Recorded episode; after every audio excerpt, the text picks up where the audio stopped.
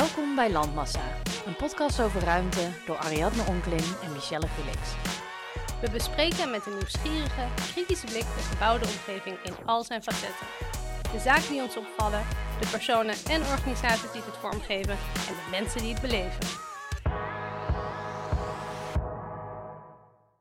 Hey, Ari, Hey Michel. hoe is het? Ja, best wel lekker. Met jou? Ja, nu, nu best wel prima. Eh, ik zit hier, eh, ik zit best wel goed hier. Waar zitten we? We zitten, eh, nou even, we zitten buiten K2 vandaag, vanwege corona natuurlijk. Zeker. Ehm, eerst hebben we allerlei moeilijke dingen bedacht, hoe we toch op afstand konden, konden podcasten.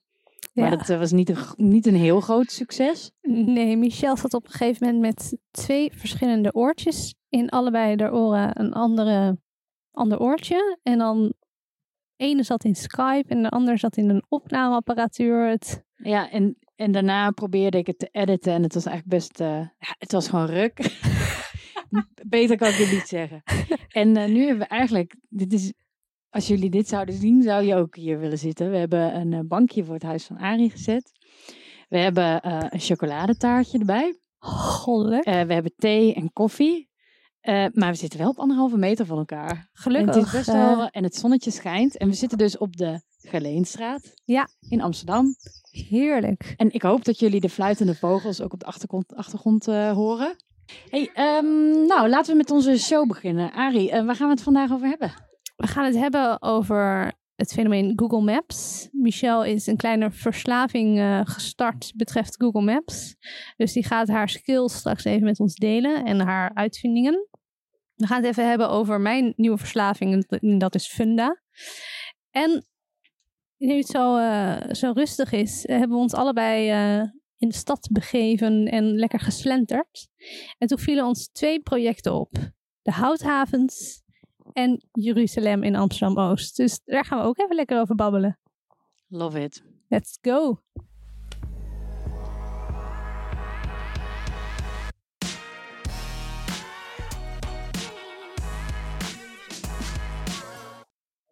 Weet je nog vroeger Google Earth? Dat dat een programma was op je computer? Nou, Arie, Google Earth bestaat nog steeds. Kan je dit nog steeds downloaden op je computer? Ik, eh, sterker nog, ik kijk er elke dag naar. Oh my god, love it! Nee, ehm, Google Earth kun je dus eigenlijk nog steeds eh, downloaden. En ehm, ik was dus ook even aan het uitzoeken. Want eerst dacht ik, wat is nou het verschil tussen, in godsnaam, tussen Google Earth en Google Maps? Ja, wat is dat? Google Earth is echt, het hoofddoel daarvan is, je plant gewoon je route. Dus, dus Is het niet ehm, Maps? eh, sorry, Maps. Ja. Ja, sorry. Maakt niet uit. Nee, Maps is, eh, je plant je route. Ja. En Google Earth is veel meer over, eh, je wil een beetje gaan ontdekken. Dus ik wil een stad in 3D gaan bekijken. Ik wil eh, eh, leuk door, eh, ik, ik wil de kaart op hele hoge resolutie kunnen, kunnen downloaden. Dat Ja. kun je allemaal in Google Earth. Maar- Heerlijk. Ja, en nou goed, ik vind dus tijdens die coronacrisis kun je natuurlijk minder naar buiten dan dat je gewend bent. En je actieradius is ook behoorlijk klein. En als je dan dus gewoon lekker de hele dag gaat Google Maps en Street Viewen, ik word er zo blij van. Heerlijk. Toch een beetje op reis, maar dan Ja. op je computer. Precies. Ja. Want, ehm, nou ja, eigenlijk wel een goede vraag. Weet jij eigenlijk nog hoe jij navigeerde door de stad voordat Google Maps er was? Oh my god. Ik heb daar dus laatst over nagedacht, omdat er zo'n eh Board Panda, die website, die had het ook dat eh, dingen die kinderen die nu 15 jaar zijn niet ehm, weten. Dat we dus vroeger met de auto dat we echt met zo'n kaart zaten. Of dat je dus je routebeschrijving uitprintte en dan meenam. Of ja, het helemaal van tevoren op een kaart ging bedenken. Zo van, dan moet ik hier de tweede rechts en dat heet dan deze straat. Nou, Man, Ik kon me dus echt niet meer herinneren. Want ik dacht aan. eh, ik heb gestudeerd in Utrecht. En toen had ik een bijbaantje als eh, eh, thuiszorg. Dus poetsen bij allerlei verschillende mensen. En dat was een uitzendwerk. Dus je ging elke, elke twee dagen zat je bij iemand anders thuis. Ja. Dus je moest altijd gewoon navigeren. Waar, waar was het? En ik kan gewoon niet herinneren hoe ik in godsnaam op de bestemming aan. Want nu, ik merk zelfs als ik bijvoorbeeld, ja, als ik voor het eerst naar jouw huis fiets, dan zet ik gewoon die Google Maps aan op de fiets en dan hoor je gewoon waar ik je naartoe moet. leiden, ja. ja. Maar, ehm, maar je, kunt dus, Goog- je kunt dus veel meer leuke dingen doen in Google Maps. En vooral in Google Street View. Want die gebruik je ook wel eens, toch? Dan, eh, Zeker, ja. ja, je loopt rond. Oké. Wat je dus kan doen in Google Street View is, je kunt allerlei hikes overal ter wereld, gewoon coole wandelingen, meerdaagse wandelingen, kun je gewoon helemaal in Street View lopen. Dus ik was deze week aan het kijken. Ik weet dat wij één route, we zijn allebei een keer in Nieuw-Zeeland geweest. We hebben allebei eigenlijk toevallig dezelfde eh hiking route gedaan. Dat is een soort driedaagse wandeling, helemaal door bossen en over super bergen. hike. Wij hoeven helemaal niet naar Nieuw-Zeeland, want je kunt dat gewoon op je computer doen. En dan hoef je niet Zonder je stom- tent mee te nemen. Ja, zonder die stomme rugzak. en dat is dus echt fantastisch, want je kunt dus, ehm, eh, ja, je kunt gewoon eh, rondlopen. Je hoeft er niks voor te doen. En is het ook een beetje lekker weer op de Google Street View eh, hike? Nou, dat, het is zo, zo realistisch dat het ook de helft van de tijd gewoon regent en, en mistig is. Wie, Dus heeft dit, ehm, wie heeft dit opgenomen dan? Nou, eigenlijk Google, eh, je kunt contact opnemen met Google en aangeven, ik ga een, een hike lopen en ik denk dat het interessant is om die op Google Street View te krijgen. Dan moet je een heel formulier invullen. Ik ga de link in onze show notes zetten. En als je dat een beetje goed onderbouwt, kun je dus regelen dat je van Google een camera eh, kan lenen, die je in je rugzak kan doen en die gewoon jouw hele route vastlegt. Dat is fantastisch. En kan je dan ook zo rondkijken, via zo eh, 360 graden? Ja, ja, hij maakt dus gewoon, terwijl jij loopt, maakt dat ding dat je van Google hebt geleend, maakt gewoon een 360 video van jouw ervaring. Top, dankjewel Google. En dankjewel persoon die deze wandeling voor ons heeft lopen Ja, lopen. top toch? Dus als jij ook denkt van, nou, ik ga een leuk wandeling met je maken en ik heb eh, zin om, om dat eh, met iedereen te delen, dan kun je dus eh, gewoon Google een mailtje sturen. Vet. Tof hè? Nou, en ehm, wat, ik, wat ook een leuke feature is in Google Maps, die ik even met jullie wil delen, die heb ik via een collega volgens mij vorig jaar ontdekt. En dat is de Google Maps tijdmachine. Hè? Ja, je kunt dus ook in Street View, als je aan het kijken bent, zie je linksboven, dan zoek je voor een adres op Ja. wat je wil, eh, waar je wil bekijken. Dus je wil in Tokio rondkijken. Nou, dan ga je daar lekker rondlopen met je Street View mannetje. En dan zie je altijd linksboven in de hoek staat heel klein een soort tekentje van een, eh, van een klokje. En als je die dus aanklikt, dan kun je, krijg je een soort schuifplaatje waarmee je tot helemaal de allereerste Street View opname kunt schuiven. Waardoor je dus eigenlijk in de tijd kan reizen. Dus je kunt helemaal terug naar bijvoorbeeld 2010. Ehm, en Wat je gewoon, ja, dus je loopt, je kunt ook nog eens tijdreizen. Wat leuk. Dus als je hier door de straat loopt en je gaat vijf jaar terug, kan je zien dat hier hele andere gordijnen hingen dan dat er nu hangen. En daar doe je het voor. Daar doen we het voor. Maar stel je voor dat, dit, eh, dat Google Maps nog ehm 50 jaar bestaat. Dat is wel echt leuk. Dan kun je dus, ja, stel je voor dat je nu in eh soort jaren 80 Berlijn kon rondlopen. Hoe vet is dat? Dat zou echt heel vet zijn. Ja. Ja. Dus oh, ik cool. hoop echt dat dit heel lang blijft bestaan. Want dan is het echt best wel een soort, eh, echt zo'n eh, eh, bron van informatie over de historie van de stad. Dat Supercool. is echt cool. Oh, dat ga ik straks gelijk doen. Even tijdreizen. Leuk hè?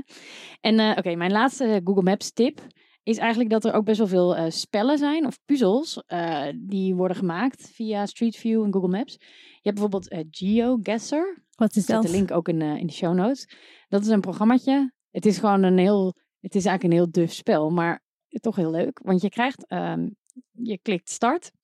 Je krijgt één Street View plaatje te zien van ergens ter wereld. Totaal random. Oh my god. En je moet gokken op welk continent het is. En dan zegt hij hoeveel duizend kilometer je er vandaan bent. Dat is echt heel leuk. Ja, dus je denkt dan altijd van, je ziet een paar palmbomen. En dan denk je, nou, dit zal wel eh, Zuid-Amerika zijn. Ja. En dan is het altijd eh, Oost-Afrika of eh Schotland. Papua Nieuw-Guinea. Schotland. Ja, Schotland. Ja, Schotland heeft ook palmbomen. ja. Ja. Ehm, dus dat is heel leuk. En ook onlangs de Volkskrant hebben dus, ik weet niet, ben je wel eens op de website van Volkskrant? Zeker, ja. Oké, die hebben dus echt mega leuke puzzels. Ik eh, ben er heel slecht in, maar eh, die doen een soort eh, speurtocht via Google Street View. Dus dan hebben ze nu rond het thema kunst. En dan volg je één bepaalde kunstenaar en dan krijg je steeds vragen over. En dan moet je in Google Street View gaan kijken wat ze bedoelen. Dan zeggen ze, loop door deze straat. Ga rechtsaf en kijk bij het roze huis in het raam. Welke, welk type bloem zie je hier? Gebruik daarvan de laatste letter. En dan verzamel je allerlei letters en uiteindelijk moet je een woord maken. Dit is echt heel erg leuk. Superleuk. Dus ik dacht voor iedereen die verveeld thuis zit en toch een leuke globetrotter wil zijn, ga gewoon lekker Google Mapsen.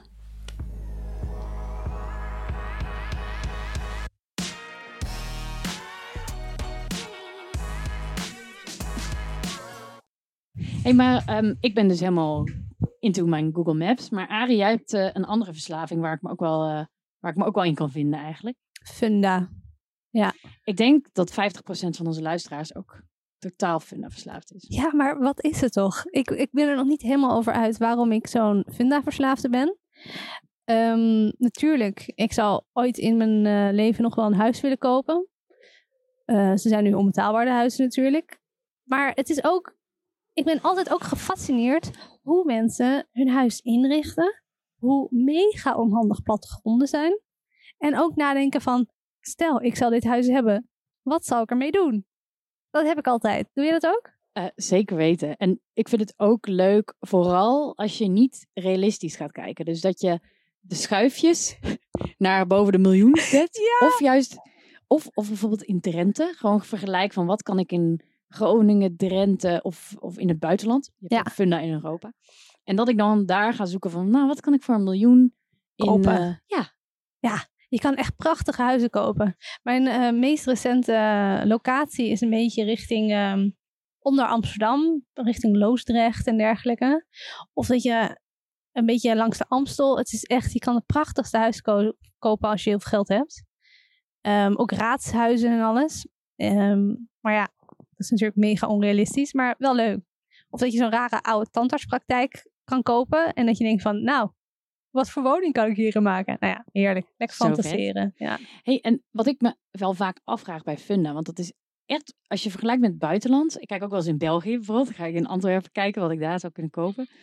En dan merk je dat al die, dat soort websites in het buitenland zoveel slechter zijn dan Funda. Funda is ook gewoon echt een hele goed gemaakte, een hele overzichtelijke website. Ja. Ehm, en een ander ding wat ik me altijd afvraag bij Funda, omdat dat dus zo'n goede website is, ehm, kunnen ze daar het hele verkoopproces ook niet aan koppelen. Dat je geen makelaar meer nodig hebt Ja. en dat je hypotheek zo kan aanvragen. En Want eigenlijk, uiteindelijk is het papierwerk. Dus ik, ik vraag me altijd af, zoveel onderdelen van bouwproces of sowieso alles. Alles wordt tegenwoordig online simpeler gemaakt. Bijvoorbeeld vroeger moest je voor een vergunning ook naar het gemeentekantoor ja, en eh, je formuliertje invullen. Maar waarom moet je voor een, om een huis te kopen nog steeds heel veel handelingen doen die, waar ik eigenlijk denk, dat zou je zo makkelijk kunnen automatiseren. het zou zoveel simpeler kunnen. Kijk, een En- hypotheek aanvragen snap ik, dat, dat is ingewikkeld. En, en, eh, maar gewoon het, het, een huis kopen, je kunt tegenwoordig ook rondkijken. Ja, Ja, wat- je hebt nu ook filmpjes en dergelijke. Dus je hoeft eigenlijk de bezichtiging ook niet meer te doen. Omdat je al de boel kan bekijken online. Ja, Dus ik wacht eigenlijk op het moment dat, denk ik, Funda in dat, in dat volgens mij een gat, Gat, springt. ja. Wat er echt wel is om een soort mega efficiëntieslag te maken in dat hele proces. vind ik een heel goed idee. Misschien eh, hebben ze, luisteren ze nu mee. Dan kunnen ze dat gat eventjes eh, opzoeken.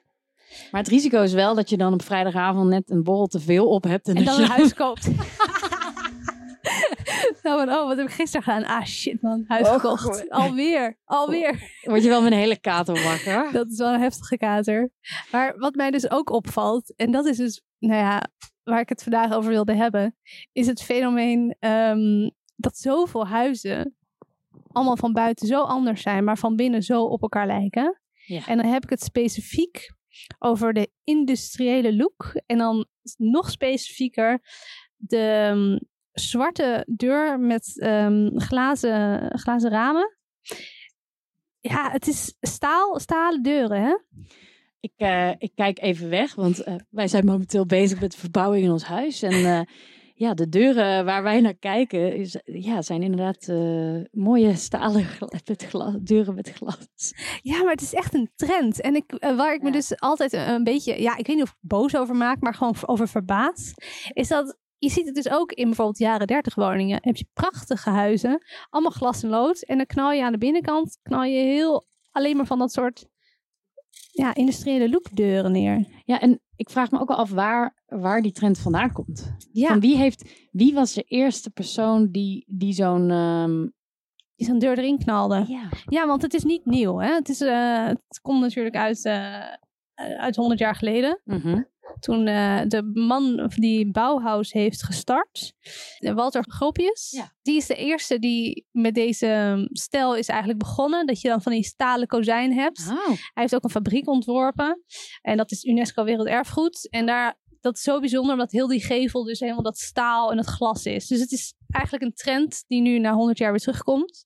En dat is natuurlijk wel, mode komt altijd wel terug, dus begrijpelijk. Maar ik dacht, ik google even op dit fenomeen, want mij valt het op, maar het blijkt dus, mijn moeder appte mij, die zei, joh, moet je luisteren? Ik heb je podcast geluisterd, top. Ik heb een leuke tip voor je. Ik maak me hier zo, zou ik zeggen, ik verbaas me hierover. Waarom doen mensen dit? En toen dacht ik, precies dit onderwerp heb ik echt de hele tijd in mijn hoofd. Ehm, dus toen dacht ik, nou, ik google even. Kijken of andere mensen zich erover verbaasden.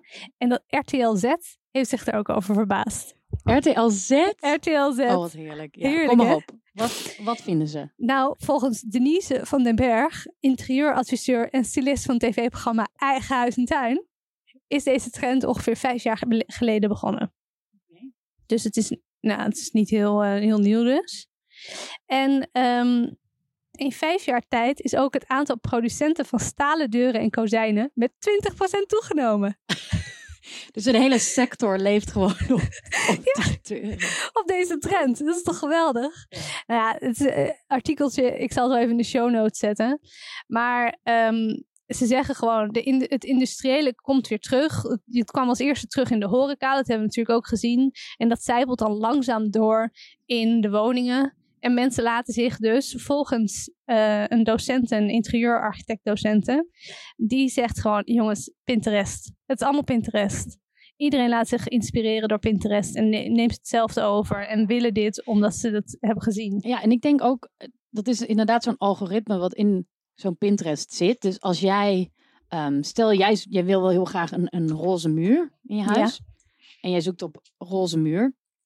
En dan zijn waarschijnlijk heel veel andere mensen die ook een roze muur willen, willen ook die stalen deuren. Dat is gewoon een bepaald trendbeeld, waardoor nog meer mensen, dus als jij op iets anders zoekt, krijg jij ook al die suggesties van al die mensen die misschien een beetje dezelfde smaak hebben. Zij zoeken op die stalen deuren en dan krijg jij die ook te zien.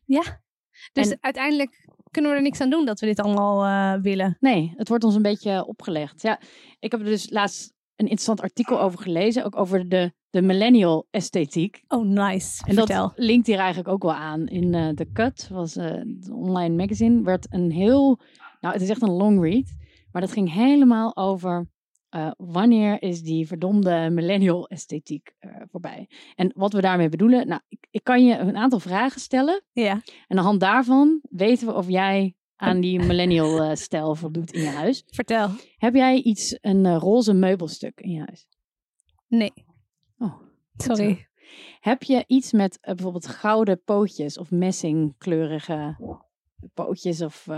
Nee, ook niet. Wat? Ja, sorry. Oh, wat goed.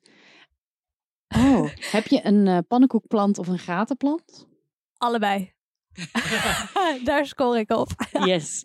En heb je een pastelkleurige tint ergens in je bank, op je kussentjes, op je muur? Ehm, blauw, lichtblauw. Ja. En deze Ah. muur is een beetje crèmerig. is wel een beetje Valt pastel, eigenlijk mee. hè? Je bent Ja. nog niet zo millennial. Nee, klopt. Ja, ik wel een beetje. Jij wel, hè? Als ik denk van, eh, oeh, wat ik in mijn huis heb. Ehm, maar het gaat dus over dat inderdaad, wat je, precies wat je zegt, dat die hele Pinterest-cultuur, dat dat eigenlijk, eh, dat er nog nooit zo'n soort uniforme stijl is geweest. Gewoon inderdaad ook door dat hele internet. En als je bedenkt, wat was hiervoor eigenlijk de trend? En dan hadden ze het over, toen had je echt de hipster-esthetiek. Heel veel vintage Ja. heel veel tweedehandsjes. Eh, je had eh, misschien een opgezet dier in je huis. Ken je die trend nog? Oh my god, ja. Ik had er een. Ik had een konijn. jij? Oh, Ja hoor, ik had hem. Ik hou wel van interieurtrends. Ja, je volgt goed. Ehm, en eh, ja, en dat je ineens een plaatspeler eh, kocht. Dat ja, soort, die heb ik ook. Ja. ja. Een beetje dat vintage. En toen was het juist heel erg een soort tegendraads zijn. Dus ik wil ouderwets. En nu hebben ze het over in dat artikel dat dus iedereen heeft heel veel pasteltinten. En het is allemaal heel vriendelijk. Het, is, het doet niemand kwaad. Het, is is heel niet toegankelijk. Het is heel toegankelijk en heel soft. Ja. Ook qua kleuren, qua ehm, afgeronde hoeken bijvoorbeeld. En dat dat dus juist is van, nu lijkt het net of die hele stijl zo min mogelijk mensen wil, eh, wil, wil pijn doen of wil prikkelen, zeg maar. Ja. Het moet gewoon zo rustig en zo, Dus zo veilig mogelijk zijn. dus ook al die, ehm, al die fundahuizen zijn natuurlijk zo ook ingericht. Valt me op, iedereen heeft dezelfde inrichting. Wat iedereen zichzelf er dan ook kan in visualiseren. Dat je denkt van, oh ja, dit kan, hier kan ik wel in wonen. Omdat het de stijl Precies. is die ik ook heb. Ja, dus je kunt er Ah. veel makkelijker mee identificeren. En je, je, stoot, je, je, st- je stoot niemand tegen het verkeerde been. Hoe zeg je Nee, dat? klopt. Want huizen, ja, die zitten er natuurlijk ook nog wat tussen op funda. Van die huizen die knalrode muren hebben en een motor, heb ik laatst gezien. Iemand had een motor in zijn huis staan. En nou ja, dat je denkt van, wie is dit? Wat is dit? Hoe wil je dit huis ooit verkopen? Daar moet je echt de breekijzer doorheen. Ehm, wat is gewoon natuurlijk iemands eigen stijl. En die is daar heel gelukkig mee. Maar dat is dus gewoon minder makkelijk toegankelijk. Dus iedereen, Zeker. dus al die, je hebt hier best wel veel in de buurt mensen die vastgoed kopen en dan eh, opknappen en dan eh, weer verkopen. En dat is allemaal, allemaal in dezelfde stijl, allemaal in deze millennial stijl en allemaal met van die industriële deuren. Ja, niemand heeft meer die eh, Ferrari rode keukens die je nog wel eens soort begin jaren 2000 zag. Wit lederen bank. Ja, klopt. Dat is allemaal verdwenen. Ja, sowieso, dat vond ik ook een lekkere stijl. Als je die nu ziet, lig je helemaal dubbel. Die soort lounge trend. Ja. Zo'n soort Jan de Bouverie, inderdaad een wit lederen loungebank. Ja. En alleen maar van die neu- neutrale natuurkleuren. Dus een beetje grijs, beige. Dat is, zie je ook niet meer. Nee. veel. En die hele witte, witte huizen is ook een beetje verdwenen. Ja. Ja, En nu, oh ja, dat is ook het visgraatpakket. Ook zo'n ja ding. is ook weer helemaal in. Mm. Ja, lachen. Grappig dat eigenlijk alles beweegt dus veel meer naar elkaar toe. Of alles wordt steeds meer uniform. Ja, maar, ik en hoop- niets is nieuw. Niets is nieuw. It's all been done before. Ja. Ik denk echt over 50 jaar, dan, dan loop je in een museum. En dan is dit zo'n soort voorbeeld van een interieur uit de jaren 2020. Zoals als we, we nu eh, in Stedelijk op de designafdeling ook eh, de design kunnen Ja. zien van de, van de afgelopen decennia. Zo grappig. Ja, inderdaad, zo'n Amsterdamse schoolinterieurtje. Ja, Jaren 70. ja ook heel oranje, bepalend. Lekker oranje en bruin. Ja, en voor deze, dit decennium hebben we het over roze en goud en koper. Ja. En dus de industriële deur.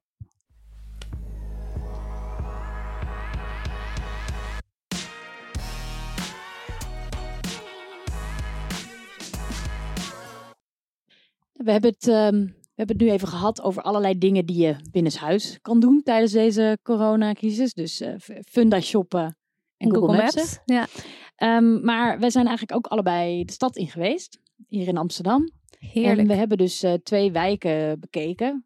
En ehm, we, we vinden er wat van. We hebben een mening. Dus eh, zullen we beginnen met de houthavens? Ja, top. Nou, de, voor, eh, voor degene, ik zal even een korte introductie doen over de houthavens. Want Ja. eh, misschien is niet iedereen er bekend mee. Ehm, de houthavens is eigenlijk een nieuwe wijk in Amsterdam. Die wordt gebouwd. Ehm, vlakbij het Centraal Station aan de kant van Amsterdam-West. En het is een voormalige houthaven. Nou, Can you believe it? oh my god. Eh, en daar worden eigenlijk een paar ehm, nieuwe eilanden gemaakt. die eigenlijk de structuur volgen van die oude haven. Ja. Dus het zijn een soort smalle, langwerpige eilandjes met grachten ertussen. En, maar die eilanden worden nu wel gecreëerd, toch? Ja, het is allemaal artificieel. Dus het wordt gewoon eh, opgespoten. Volgens mij, zoals ze dat dan doen. En dan daarna lekker uitgegraven om grachten te creëren. Ja. Ja. En eh, nou, het is een heel bijzonder plan. eh, want de ambitie daar is om een hele duurzame wijk te bouwen. Hele ehm, ja, een klimaatneutrale wijk. En er worden ongeveer 2700 woningen gebouwd. Dat is best een boel. Best een boel. En het moet in 2023 klaar zijn. Oké, en wanneer zijn ze ermee begonnen? Eh goeie vraag. Volgens mij al voor 2007. Of het is in ieder geval nou, voor 2008. Want de plannen zijn al gemaakt voor de eerdere crisis. Voor de Oh. coronacrisis hadden we natuurlijk Oh, die andere crisis. En het is daarvoor nog ontworpen. Oké, Oké. En dat eh, zegt ook een beetje. eh, eh, want het bijzondere aan de houthaven is eigenlijk voor Amsterdam. dat er maar 20% voor sociale huur is bestemd in die wijk. dat, is, dat is niet zo heel veel. Nee, voor Amsterdam zeker is dat heel, relatief heel laag.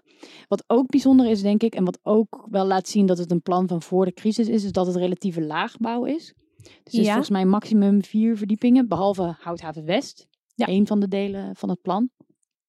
Dus het is eigenlijk een relatief rustige wijk. eh, want eh, het is vooral wonen eh, als bestemming. En er zijn weinig winkels. Er is wel een middelbare school bijvoorbeeld. Ja, en een paar kleine voorzieningen. En er wordt een park gemaakt. En het park is eigenlijk het overgangsgebied tussen die wijk, de Houthavens, de nieuwe wijk, en de bestaande buurt, de Spaarndammerbuurt, die aan de overkant ligt. Ja.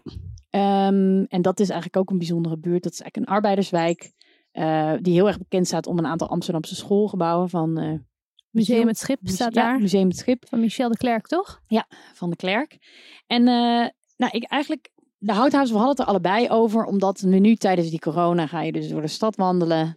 En kun je eigenlijk in alle rust heel erg goed zo'n wijk gaan bekijken. En eh, je ziet dus heel erg goed nu in al die stilte de structuur van zo'n wijk, eh, de architectuur.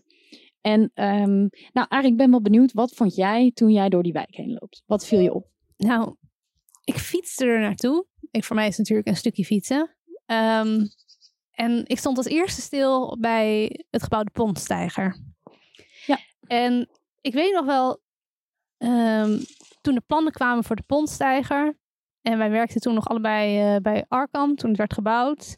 En toen hebben we ook allebei echt wel eh, meerdere meningen gehad over eh, een gebouw. En eerst was ik een beetje kritisch. Ik dacht, wat is dit voor gebouw? En het werd ook het scheidhuis genoemd, omdat het lijkt op een wc. Briljant. Briljant. Maar ik begin het toch wel langzaam steeds meer te waarderen. Oké, ik, ik haat het, maar ik heb precies hetzelfde. Ik was echt mega kritisch, maar ja, hoe langer je het daar ziet staan, hoe meer ik zo denk, ja, het doet toch wel wat. Het doet wel wat. En het is toch echt wel een icoon. Ik vind het wel heftig, want je ziet het echt vanuit elke hoek van de stad kan je het zien. Het is echt enorm. Ja, heel erg groot. En mijn hart bloedt nog wel een beetje, omdat ik geloof dat de bovenste etage nog steeds niet bewoond is. Dan denk ik, jongens, waarom, waarom niet? We hebben woningnood. Uh, maar ja, ik begon het, ik waardeer het. Ik ook. Ik heb precies hetzelfde. En nou, het is wel interessant dat ook die uh, houthavens, uh, omdat het dus zo'n langwerpige opbouw heeft.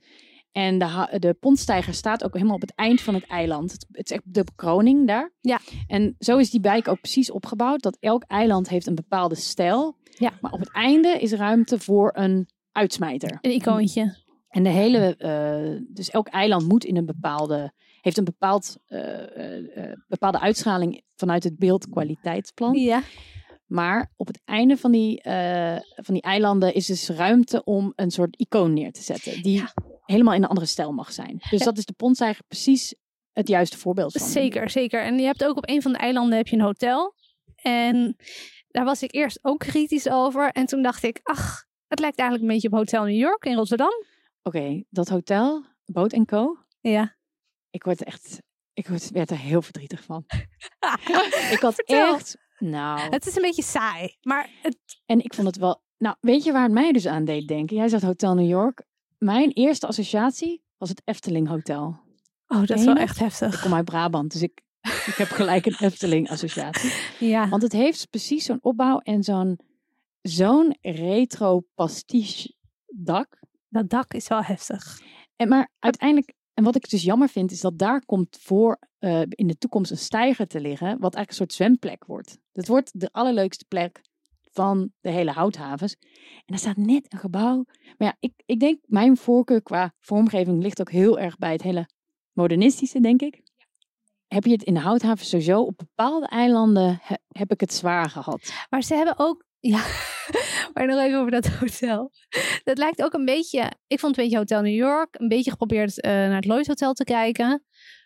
Maar een beetje saai. Maar ik dacht ook wel, nou. Ze hebben wel. Ik vind het wel grappig. Aan de achterkant is er een glazen gevel. Terwijl de rest is allemaal baksteen. Ehm, ik vond de entree aan de, het water had wel wat spectaculairder gemogen. Maar ik vond het eigenlijk wel meevallen. Ja, ik, ja, ik blijf toch kritisch. Ik, eh, ik werd er gewoon niet blij van. Wat ik wel had, eh, op een van die andere eilanden, eh, daar staat op het einde het gebouw Frame. Ik denk dat je misschien wel hebt gezien, als je er, zeker als je er tijdens een soort zonsondergang langs loopt. Ja. Dat is die, waar dat die gevel... goud? Ja, Oh, love it. Ik heb daar echt Nou, zes foto's van gemaakt. ik ook. Wat een prachtig ding is dat. En die is dus van Frits van Dongen, voormalig Rijksbouwmeester. Wauw. Van zijn bureau is het. En inderdaad, die, eh, de gevel is heel eh, geometrisch opgebouwd. En eh, de, de tegels die op de gevel zijn geplakt zijn een soort... Die hebben een gouden gloed eroverheen, waardoor die reflectie van het licht zo onwijs mooi is. En er zit ook een soort van structuur in. Ja, Dus het is niet een super weerspiegeling, weerkaatsing. Het is heel zacht. Maar ik vind dat sowieso een mooi stukje houthaven. Het is de houthavenkade waar we het over hebben. En daar begon het eigenlijk een beetje mee. En dat zijn eh, heel wat kavels die eh, CPO zijn. Collectief particulier opdrachtgeverschap. Dus dat betekent dat je met een hele club samen een stukje grond koopt en samen één gebouw bouwt.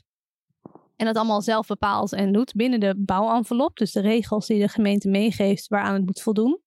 Dus je hebt aan de houthavenkade zelf heb je wat laagbouw. En daarachter stijgt het echt hard omhoog. Ik vind dat zo'n mooi stuk geworden. Prachtig. Het is heel eclectisch. Het is heel divers in architectuur. Maar toch ook hetzelfde. Ja, ik denk omdat het daar zo goed werkt, omdat het een beetje, eh, het gaat ook wat de hoogte in. En, eh, maar toch heeft het een soort Amsterdams gevoel, omdat het hele smalle huizen zijn. En ik denk, Ja. in die diversiteit past dat heel erg goed bij wat de stad is. Maar is het echt een moderne vertaling? Het is net wat hoger, net wat gedurfder. Ja. En het is gewoon een heel fijn stuk, vind ik, als je daar... eh, Ik ook. Ik zou er wel willen wonen hoor. Ja, ik ook. Zeker weten. Maar ik vond ook, ze zijn zo goed begonnen bij die kade. Het heeft zulke mooie architectuur opgeleverd. En toen is het, vond ik, misgegaan. Waar is het particulier opdrachtgeverschap in deze, deze houthaven? Want is er in de rest van de houthaven, dat heb ik eigenlijk niet uitgezocht, zit daar nog... Nou, Nou, er zit er wel. Want toevallig een collega van mij, die gaat in een van de... Die is nu in aanbouw en dat is ook een, een CPO. Ook van Mark Keuler. maar dat is ook collectief. Ja. Waar is het particulier? Die komt er ook nog. Er komen watervilla's in de houthavens. Dat vind Ja. ik wel leuk. Ja. Want ik, ehm, ik vergeleek de houthaven een beetje met Eiburg. De bruggen doen me ook heel erg aan Eiburg denken. En toen dacht ik, je hebt op Eiburg het Steigereiland. En dat is toch een heel bijzonder architectonisch eiland gewo- geworden. Omdat er, er is en gebouwd door woningbouwverenigingen. Dus gewoon door één ontwikkelaar. Maar ook hebben mensen zelf hun eigen huis mogen bouwen. En dat heeft echt hele bijzondere architectuur opgeleverd. En geeft ook een leuk straatbeeld. Wat, wat bij de houthavens heel erg opvalt voor mij, is dat het gewoon wat weinig creatief is in het algemeen. Ik vind die CPO's inderdaad zijn echt de, de mooie uitschieters daar. En Ja. een aantal, inderdaad, ik vind Pontstijger en dat gebouw Frame zijn echt van die, van die coole, opvallende eh, gebouwen. Echt En de prachtig. rest is toch een beetje, beetje, beetje saai. vanille. Een beetje saai. Ik heb opgeschreven eh, hoe ik het heb ervaren toen ik kwam aanfietsen vanaf de Pontstijger. Vertel. Nou, eerst dacht nou de vibe die ik had, ik kwam aanfietsen en ik dacht ik ben in Almere Poort. Ehm, dat is niet eh, negatief over Almere Poort, maar het is een bepaalde architectuurstijl die daar wordt neergezet. Het is allemaal een beetje, mm, een beetje saai. Ehm, en het allemaal gewoon een beetje, ja, ik wil een beetje makkelijk. Nou, toen eh, fietste ik door en toen kwam ik dus, eh, vond ik in Rotterdam met Hotel New York. en ehm, dan heb je een soort, een soort van Amsterdamse schoolblokken. Terwijl je net een soort van rijtjeshuizen hebt gehad. Je komt ook nog langs een soort van, een soort van pakhuizen rijtje. Dat je denkt, wat, wat is dit? Ehm, en dan kom je in een, op een eiland vol met een soort van rijtjeshuizen à la villa's. Vond ik ook bijzonder. Dat ik dacht, waar komt... Dit is zo on-Amsterdams. Wat is dit? Nou, ja, ik, ik, heb, ik ben er even ingedoken eigenlijk waarom dat er dus inderdaad zo uitziet. En Ja. in, de- dat schrijft het beeldskwaliteitsplan voor. Oh. Ehm, dus elk eiland, ik dacht eerst ook, die wijk moest gewoon afgestemd worden op de Spaarndamp buurt. Ja, ik dacht ik ook. Zo makkelijk ligt het eigenlijk niet, want elk eiland moest dus zijn eigen karakter hebben. En bij elk eiland gelukt. zijn referenties opgegeven. Specifiek eh, van eh, de meeste eilanden is dat een bepaald Amsterdams eh, woontype. Dus bijvoorbeeld het pakhuis, het bouwblok van de Amsterdamse school.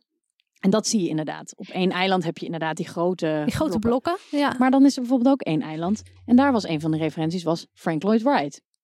Ik weet niet wat hij in Amsterdam doet, Hè? maar dat, dat zijn die soort jaren dertig eh, eh, stijl.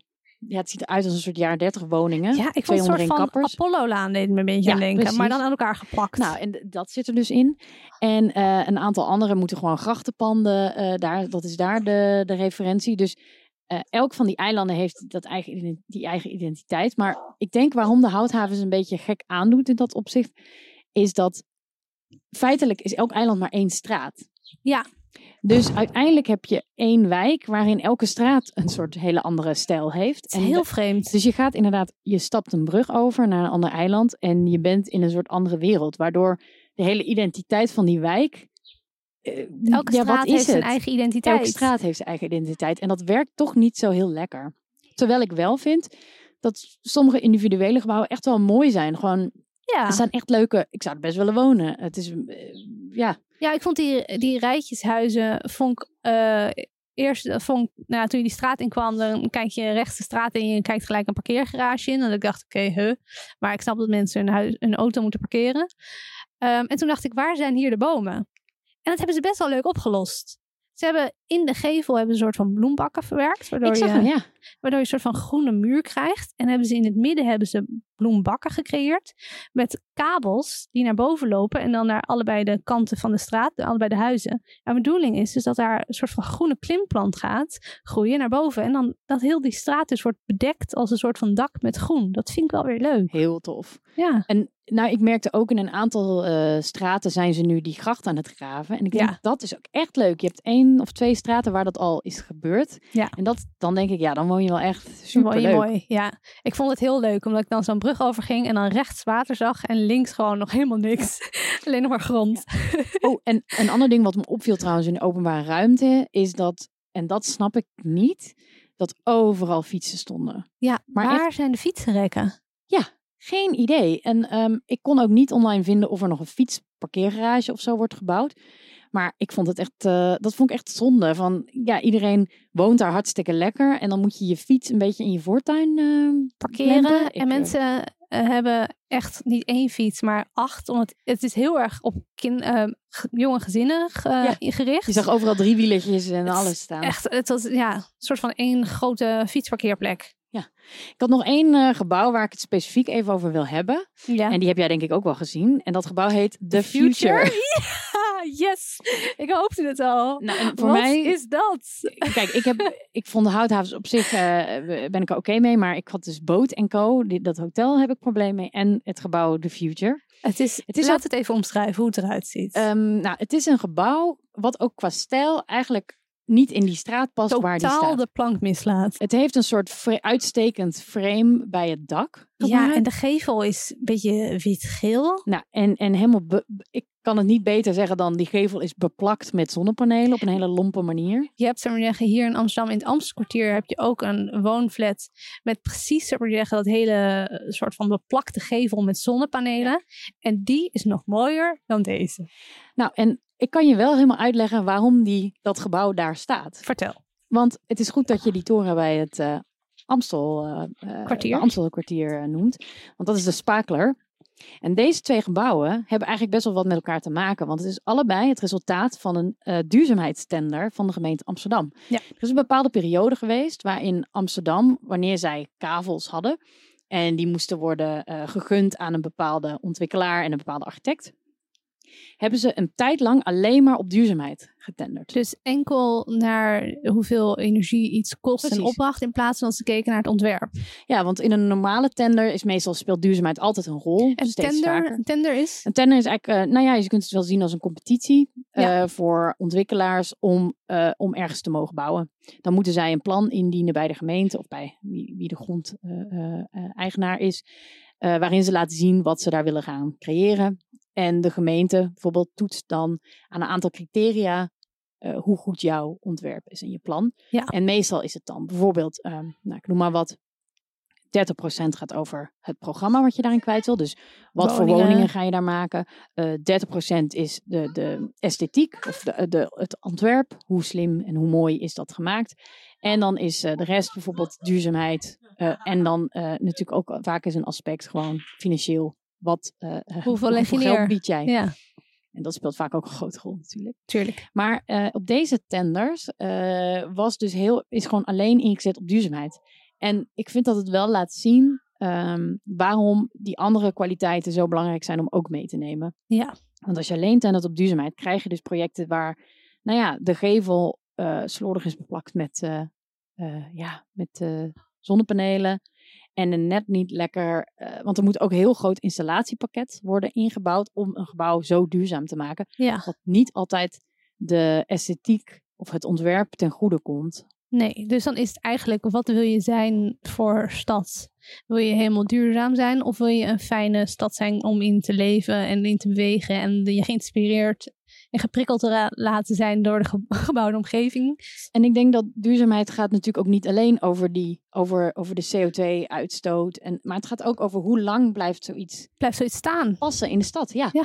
En wanneer iets, eh, nou denk aan eh Amsterdamse schoolgebouwen. Kijk, als iets gewoon fantastisch goed is vormgegeven en een sterk ontwerp is, dan blijft dat gewoon 100 jaar zijn kracht En houden. dat is ook heel duurzaam. Precies. Want als je dit laat staan eh, en over twintig jaar is het niet meer zo energie-neutraal of we vinden het allemaal lelijk, dan sloop je het. En dat is helemaal niet duurzaam. Nee, dus ik zou er echt voor willen pleiten hierin. En ik denk dat de gemeenten die hebben dat eh, ook wel, eh, die doen dat ook niet meer, voor zover ik weet. Dat ze gewoon een veel breder, dat ze de, Die criteria. ja. dat ze veel bredere criteria gaan hanteren dan alleen die duurzaamheid. Want eh, duurzaamheid is, is ook een breed begrip. Er valt heel veel onder, niet alleen eh, CO2-besparing. Zeker. Amen.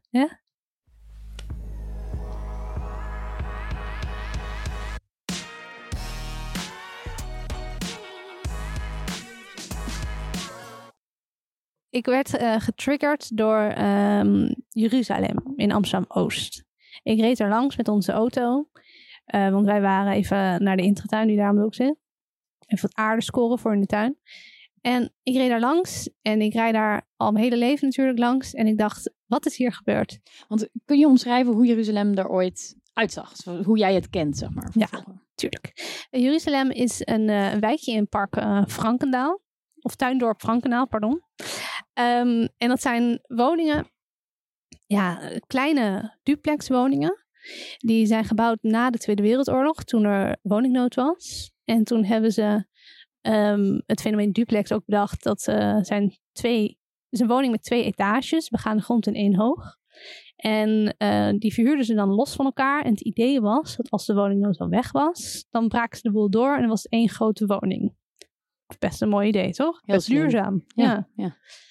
Ehm, maar ze hebben dat gebouwd omdat er woningnood was. En toen hadden ze ook een nieuwe stijl van bouwen. En dat was lekker prefab. Kon je snel en goedkoop bouwen. En dat heet een RI-woning. Mhm. En eh, dat is vernoemd naar de uitvinder. Edwin of Erwin Erri. Edwin Erri. Goeie naam eigenlijk. Vet hè? Vond ik ook leuk. En eh, nou, het zijn gewoon systeem eh, prefab woningen. En, wat, en hoe ziet zo'n air-woning eruit? Want volgens mij, ze zijn heel erg herkenbaar. Ze zijn heel herkenbaar. Het zijn lage huizen ehm, met soort van gevelelementen, stenen er tegenaan geplakt. Ehm, en eigenlijk gewoon, ja, ik wil niet zeggen goedkoop. Hoe kan ik het een beetje omschrijven? Wat denk jij? Nou, ik denk, ja, snelle prefab is het. Dus het is natuurlijk, eh, het heeft niet een hele luxe uitstraling. Nee, het heeft één functie: wonen en snel Hmm. neerzetten. Als een soort van stempel is het overal neergezet. Het is allemaal hetzelfde. Het lijkt allemaal op elkaar. En waar was het ook de bedoeling dat die zo lang zouden blijven staan eigenlijk? Want Nee, het was echt voor de woningnood om het op te lossen en TCT dus dingen door te breken. En dan op een gegeven moment moesten daar gewoon goede woningen voor ter- terugkomen. Want de kwaliteit van de architectuur, maar ook ehm, het leven daar is niet goed, omdat het, niet, het is niet heel isolerend. Eh nou, het is toch gewoon niet helemaal top. Het voldoet niet meer aan de tijd van nu. Ja.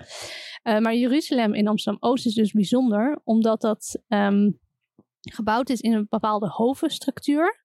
Het zijn twee L-vormige blokken die, we maar zeggen, in elkaar gehaakt zijn. Snap je dan wat ik bedoel? ja, ja, het is zeg maar twee blokken L die samen een pleintje vormen eigenlijk. Klopt, ja.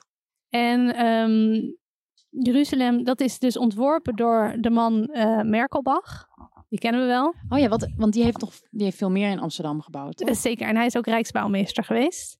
En hij is, ehm, nou, na de Wereldoor- Tweede Wereldoorlog is hij echt eh, groot geweest en vernieuwend in zijn stedenbouwkundige ontwerpen. En het bijzonder was dus dat je en de architectuur en dat was nieuw dus, de stedenbouw was nieuw, de hoofdstructuur en de het groen.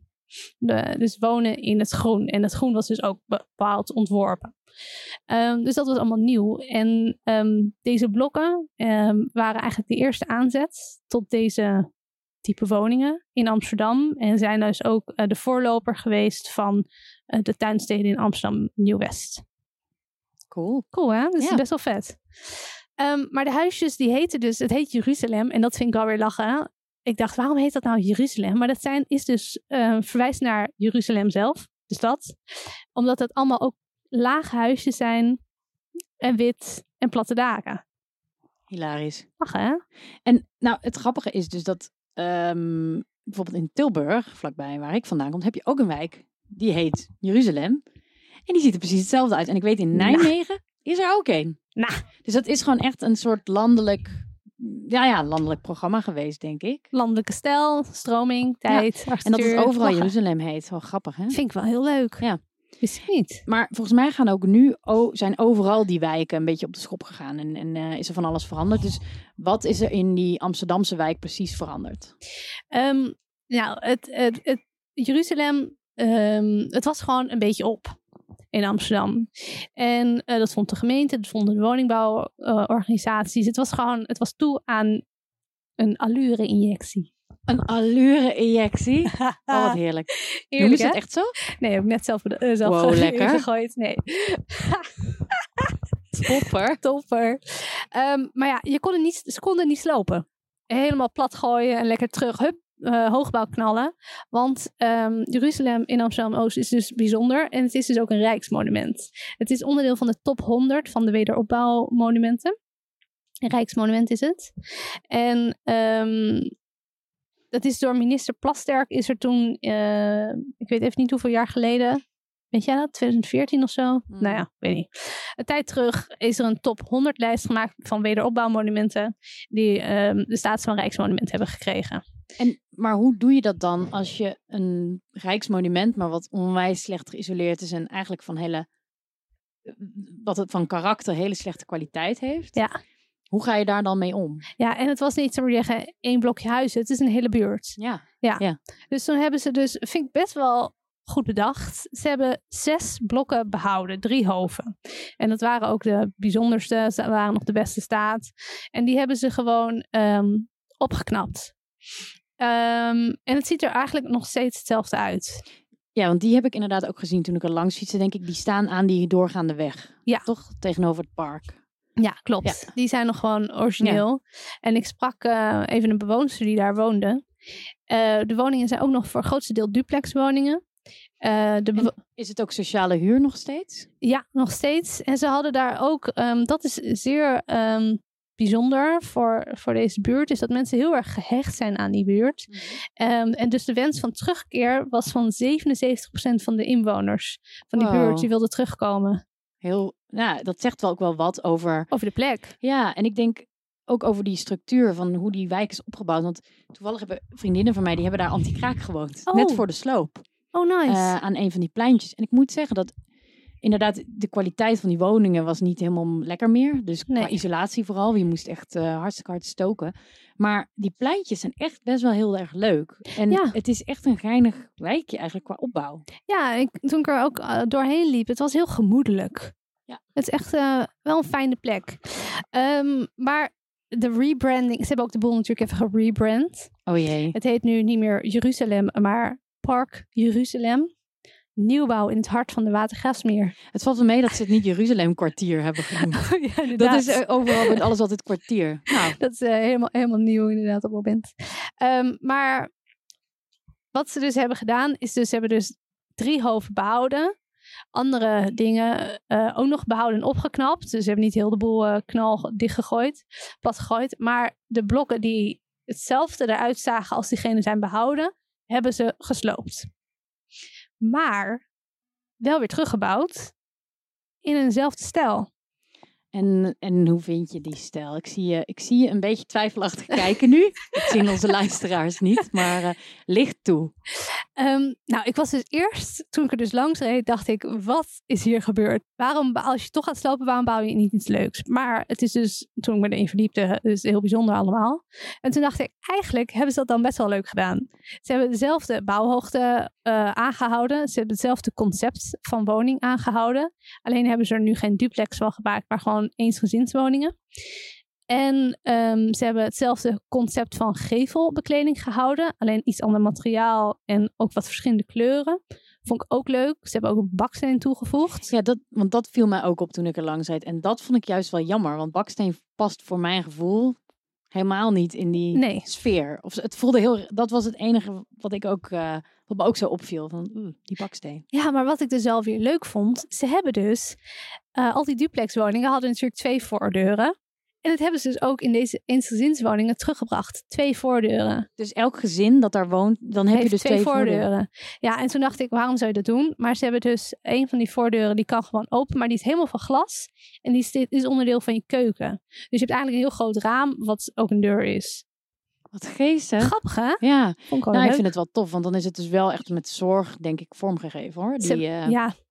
En ze hebben zelfs ook, ehm, ik heb even de brochure bekeken van de nieuwbouw natuurlijk. Ze hebben ook de, ehm, de tuinen en de hagen die eromheen staan, is allemaal gekeken naar de originele beplanting.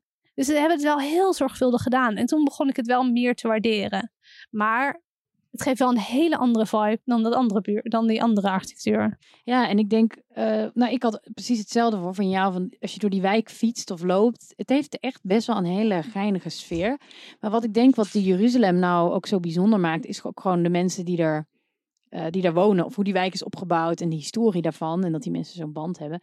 En ik denk, nu krijg je natuurlijk allerlei. Ik denk in die nieuwe woningen zullen ze wel helemaal. Die, die staan volgens mij gewoon te koop.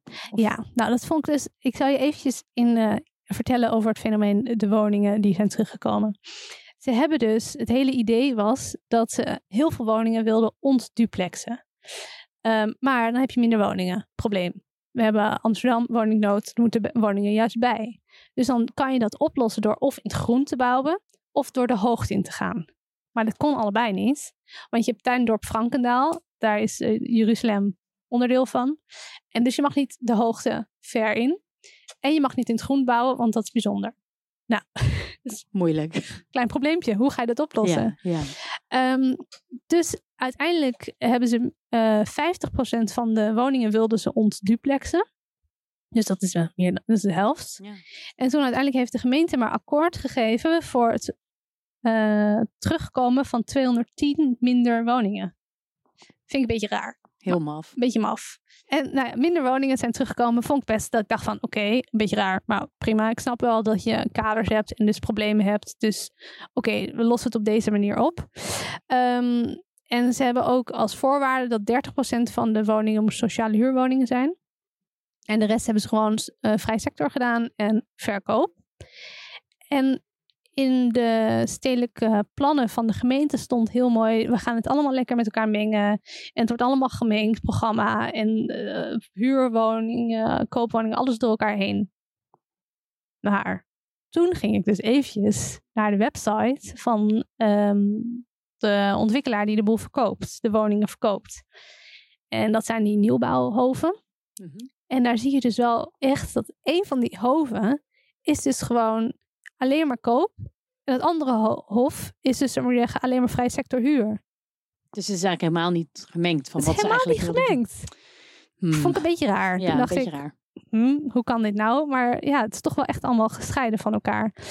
Ehm, Nou, en dat zie je dus ook in die vormgeving, vind ik, van die blok. Het is ook echt een ander type woning, zeg maar. Het is niet, het is niet zo van, ah, iedereen woont hier lekker geme- gemengd Je iedereen heeft er- dezelfde... Hmm. Ja, je, je ziet en je voelt inderdaad dat het anders is. En je ziet wel dat de nieuwbouw echt een goede kwaliteit is.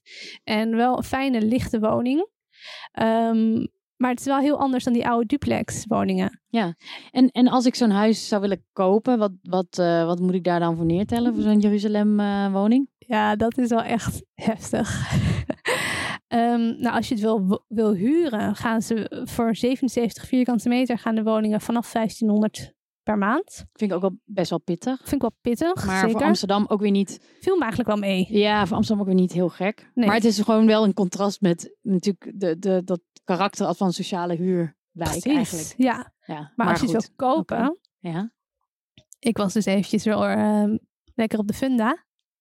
Funda shoppen. Funda shoppen. Ehm 8,5 ton. Jezus, Dat is veel, hè? dat is heel veel. Wow. Ja. Voor zo'n Jeruzalem, Jeruzalem woning. Ja, het scheelt natuurlijk dat het allemaal nieuw is. Dus dat je wel... Het isoleert wel. Jeetje. Maar 8,5 ton. Dat is best een, eh, best een boel geld. Dan kun je ook voor in houthavens eh, een, eh, een loftje kopen, denk ik. Precies. Dus waar wil je wonen? Het allebei... Wat me ook opvalt, allebei de, bu de buurten zijn helemaal ingezet op jonge gezinnen. Alles is kindvriendelijk en dergelijke. Terwijl ik las van de week nog dat iets van 60% van de huishoudens in Amsterdam is een single huishouden. Echt? Ja, zo'n parool volgens mij. Oh, Vond ik echt zoveel. Ja. Ja. Nou, nu is, is- ik, nou, ik heb ook opgeschreven volledig ingezet op jonge gezinnen. En ehm de branding vind ik ook, die wil ik even met je delen. Kom maar op. Ik hou wel heel erg van dit soort... eh, van, ik werk natuurlijk in communicatie, ook in, in dit wereldje. Dus ik vind het heerlijk om... Soms wat je voorbij ziet komen is eh, ja, bijzonder. Is, ja, lijkt me heerlijk om deze rebranding steeds ook te mogen verzinnen. Want je had dus in de houthavens heb je, is de rebranding eh, aan de Amsterdamse grachten. Vind ik ook lachen. Ja, ja. Dit is dus van Jeruzalem naar Park Jeruzalem. En in de stijl van een rijksmonument wonen. In de stijl van een Rijksmonument. Ja, ja, zo kan ik het ook verkopen. Zo kunnen we het verkopen, hè? Ja. Maar eh, wat vond jij verder van, eh, van Jeruzalem? Nou, ik vond dus eh, vooral die blokken waar je zei, die zijn zoveel mogelijk behouden. Ja. Vond ik echt fantastisch. Want ik dacht, er is gewoon niks veranderd inderdaad. Je fietst er langs en het is hetzelfde. En het was gewoon, inderdaad, de woningen waren niet optimaal qua techniek. Nee. Maar die wijk en hoe het eruit ziet, eigenlijk best wel prima allemaal. Dus Ja, gewoon, weet je, we laten het lekker zo. En we maken het gewoon veel degelijker en duurzamer. Top.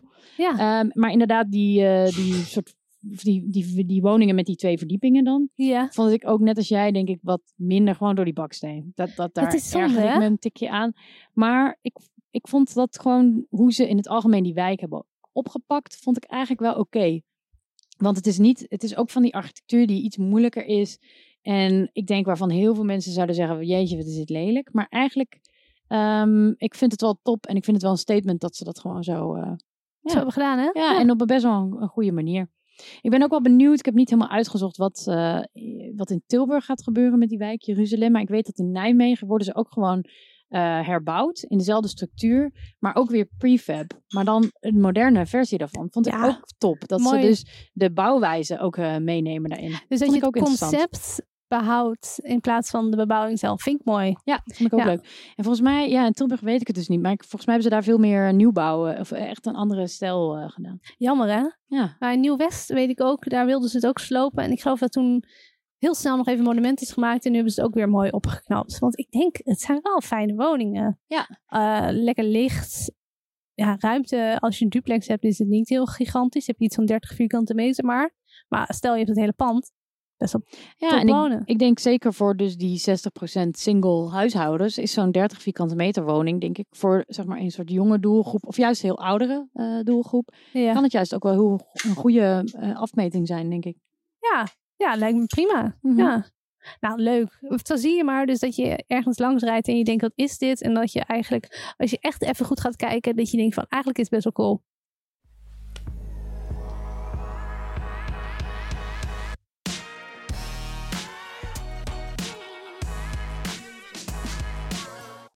Ik vond het weer heel leuk. Ik ben blij dat je hier naartoe bent gekomen om deze podcast eh, op te nemen. Ik ook. En, en waar ik nog blijer mee ben, is dat we zo eh, nog een paar stukjes chocoladetaart hebben. Oh my god. Heerlijk. En ehm, ja, we willen eigenlijk, eh, nou, we, we zijn er doorheen. Luisteraars, vooral subscriben voor onze kanalen. En please, geef een review. Geef een review, zeg dat we hè? fantastisch zijn. of je nou luistert via Spotify, via Google Podcast, via eh, Apple Podcast. eh, subscribe en je hoeft ons nooit meer te missen. Heerlijk. Dank jullie wel. Dank je, doei. Doei.